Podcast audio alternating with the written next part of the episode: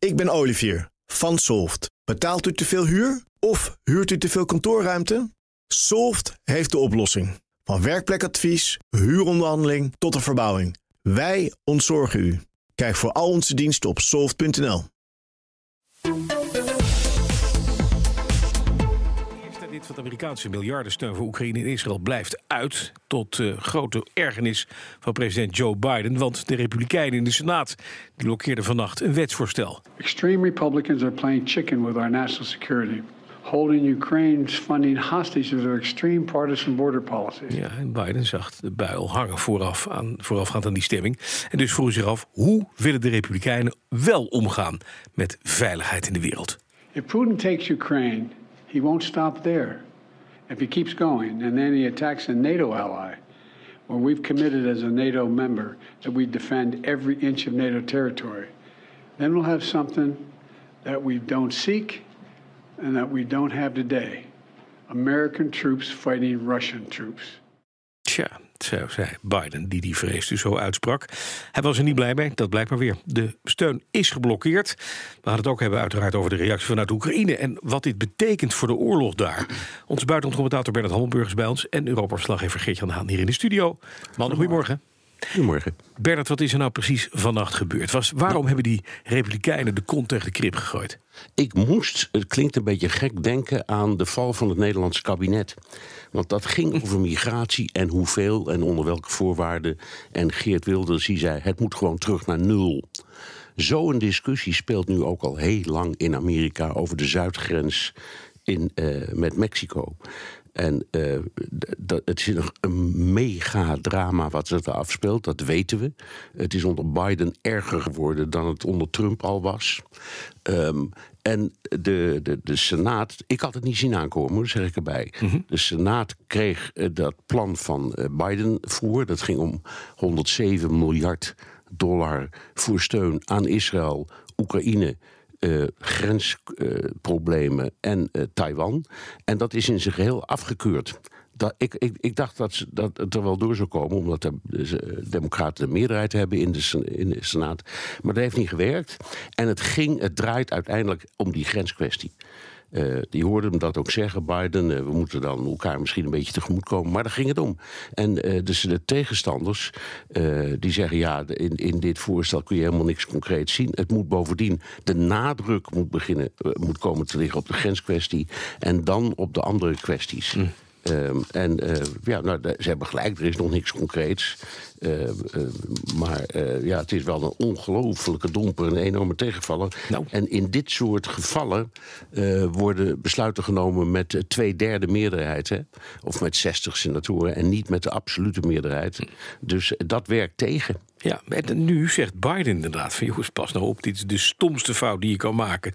Want straks vallen de Russen dan al een land binnen, een NATO-land... en dan moeten wij vechten tegen de, tegen de Russen. Ja. Heeft hij wel een punt, hè? Ja, daar heeft hij zeker een punt. En dat is een, een angst die, die heerst, maar niet bij de meeste Amerikanen, moet ja, ik zeggen. Nee, precies, dat ver de weg. Amerikanen zeggen je dat Oekraïne heel ver weg, is ons probleem niet. Maar eerlijk gezegd, uh, dit is echt rampzalig hoor. Het is ook, zal Geert-Jan direct ongetwijfeld op ingaan, afschuwelijk voor uh, de, uh, de Oekraïners. Ja. Maar ik, mijn idee is dat Biden zich wel laat overtuigen door de tegenstanders om met iets concreets te komen over die grenskwestie. Dat eerst in stemming te brengen misschien en dan de rest. Het probleem dan is dat je nog meer uitstel krijgt dan je nu al hebt. Dus uiteindelijk denk ik komt het wel goed. Maar uh, met vertraging. En dan moet het ook nog door het Huis van Afgevaardigden, Ja, waar precies. de Democraten een minderheid hebben. Exact. Dus het is echt nog een enorme route. Ja, en ik neem ook dat aan dat met angst en beven vanuit Oekraïne naar wordt gekeken, Ritjan. Want Bernard zei al eventjes, ja, we, wacht eventjes, daar kijken ze ook mee. Daar zitten ze in een, in een, in een winteroffensief, net het Dnieper overgestoken, eh, hebben geld nodig. Er moet van alles gaan gebeuren. Ja, en dan is de grootste geldschieter van deze oorlog Amerika ineens een onzekere factor.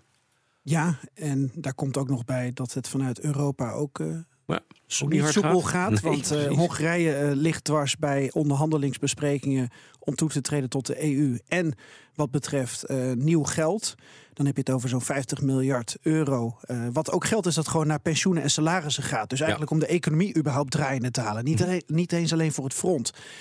En mijn indruk is dat op dit moment uh, de totale wanhoop in Oekraïne wel regeert. Ik heb veel aan de telefoon gehangen afgelopen week. Collega Floris Akkerman die zit daar nu ook. En iedereen die ik spreek, die zegt... Um, er is een soort bom van emoties en frustraties die nu aan het barsten is. Een bom van machteloosheid.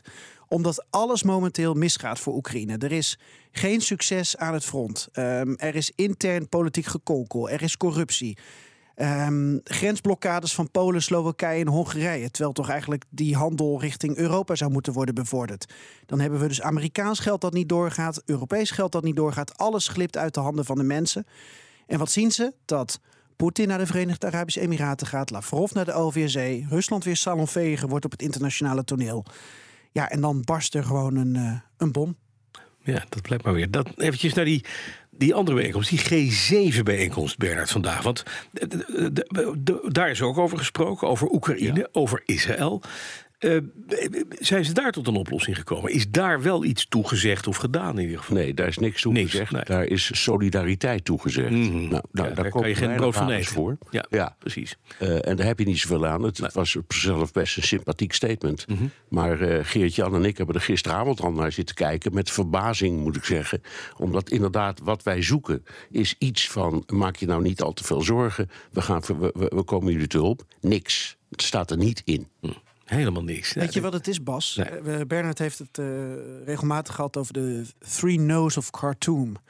Dus in het verleden, wat was het, 71 geloof ik? Dat, nee, dat, ja, uh, dat, ja, dat was 29 augustus 1967. Ja, ja, en dat had dan met, met Israël te maken. Maar we kwamen eigenlijk gisteravond erop uit... nu dreigen de Three No's voor Kiev. Mm. Geen geld uit Amerika, geen geld uit Europa geen toetreding tot de EU. Nee. Het zit totaal vast. En ook uit die G7-verklaring. Komt niks. Daar staat er gewoon van ja, het gaat goed met die hm. uh, handelsroutes richting Europa. Dat gaat helemaal niet goed. Ze updaten het niet eens. Nee, nee, toch vreselijk. Eh, dan het andere. Uh, VN-baas Guterres. Als we even naar de, het andere conflict kijken in, in Israël. Uh, in de Gazastrook. Uh, Guterres die heeft nu gezegd van ja, wat daar gebeurt is uh, dat, dat tart elke, uh, laat ik het maar eufemistisch zeggen, elke vorm van, van, van fatsoen.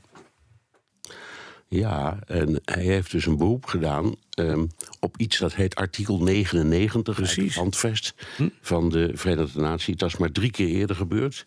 Bij, voor zover ik weet, één keer in 1960 in Congo, in 1979 in Iran en in 1989 over de, de oorlog in Libanon. En dat artikel houdt in dat de secretaris-generaal de Veiligheidsraad bij elkaar mag roepen als hij een gevaar ziet voor de wereldvrede. En daar heeft hij dus nu een beroep op gedaan. Um, eerlijk gezegd lijkt mij dat een, een, een beetje overdreven. Iedereen heeft natuurlijk de meest vreselijke, nou ja, ik zeg maar, observaties of ideeën over wat ze daar afspeelt. Uh, maar dat het de wereldvrede bedreigt, dat betwijfel ik sterker nog. Als je dat artikel 99 inroept, doe het dan over Oekraïne. Want hm. dat bedreigt de wereldvrede meer.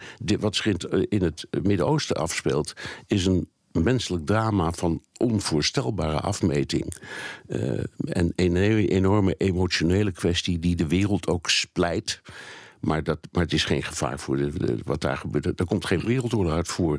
En de, de opmars van uh, Rusland, daar hadden we het net al over. Ja, dat vind ik eerlijk gezegd een veel groter gevaar. Ja. We gaan even sluiten met iets, toch iets moois, Geert-Jan. Want uh, ondanks alle kommer en kwel Jij kreeg een filmpje toegestuurd en daar moet je even van vertellen wat daarop te zien is. Wat zien we hier gebeuren? Nou, je hoort mama, een uh, Oekraïens meisje dat haar moeder voor het eerst sinds maanden weer ziet. Ja. Er zijn uh, acht Oekraïense kinderen uh, die je op dit filmpje ziet... die de grens van Belarus met Oekraïne hebben overgestoken. Dik pak sneeuw. Je ziet ook die, die egels. De grens is natuurlijk helemaal afgesloten. Ja, ja. Mm en die zien dus voor het eerst hun ouders weer. En ja. uh, wat is er gebeurd? Uh, er zijn uh, dus acht Oekraïnse kinderen terug naar huis van de 19.000 die Rusland momenteel nog ontvoerd heeft. Ja, precies. Die Rusland gegijzeld houdt eigenlijk. Ja, en die zijn teruggegeven door de Russen? Ja, de Qatari hebben bemiddeld. In ah. oktober hebben ze vier kinderen teruggekregen. dit keer acht volgens -hmm. de Oekraïnse kinderombudsman. En er is een Belgische vrouw die al twintig jaar in Rijswijk woont die dit gefilmd heeft. Die zit met haar stichting uh, sinds de oorlog in Oekraïne uh, samen met haar man uh, ja, Oekraïnse kinderen als het ware te redden. Het is haar missie geworden om op te komen ook voor Oekraïnse weeskinderen. Ze was voor de oorlog nog nooit in Oekraïne geweest. Ehm, maar ze voelde zich zo begaan met de materie dat, ehm, ja, dat ze hier dus ook bij was. Ze is nu terug onderweg naar, naar Kiev. Misschien dat ik later vandaag nog een keer contact met haar kan hebben. Hm. Maar ja, weet je, ja, sinds ik zelf een dochter heb, als je dan hoort... Dit ziet. Mama, ja. Ik, uh, ja, ik smolt. Maar dit is maar acht van de, van de 10.000. 19.000. En dat schijnt nog een lage schatting te zijn. Omdat ja, er zijn ook Precies. natuurlijk veel mensen omgekomen. En ja. geen idee hoeveel kinderen daar dan tussen zitten. Dankjewel, uh, Geert-Jan Haan en buitenlandcommentator Bernard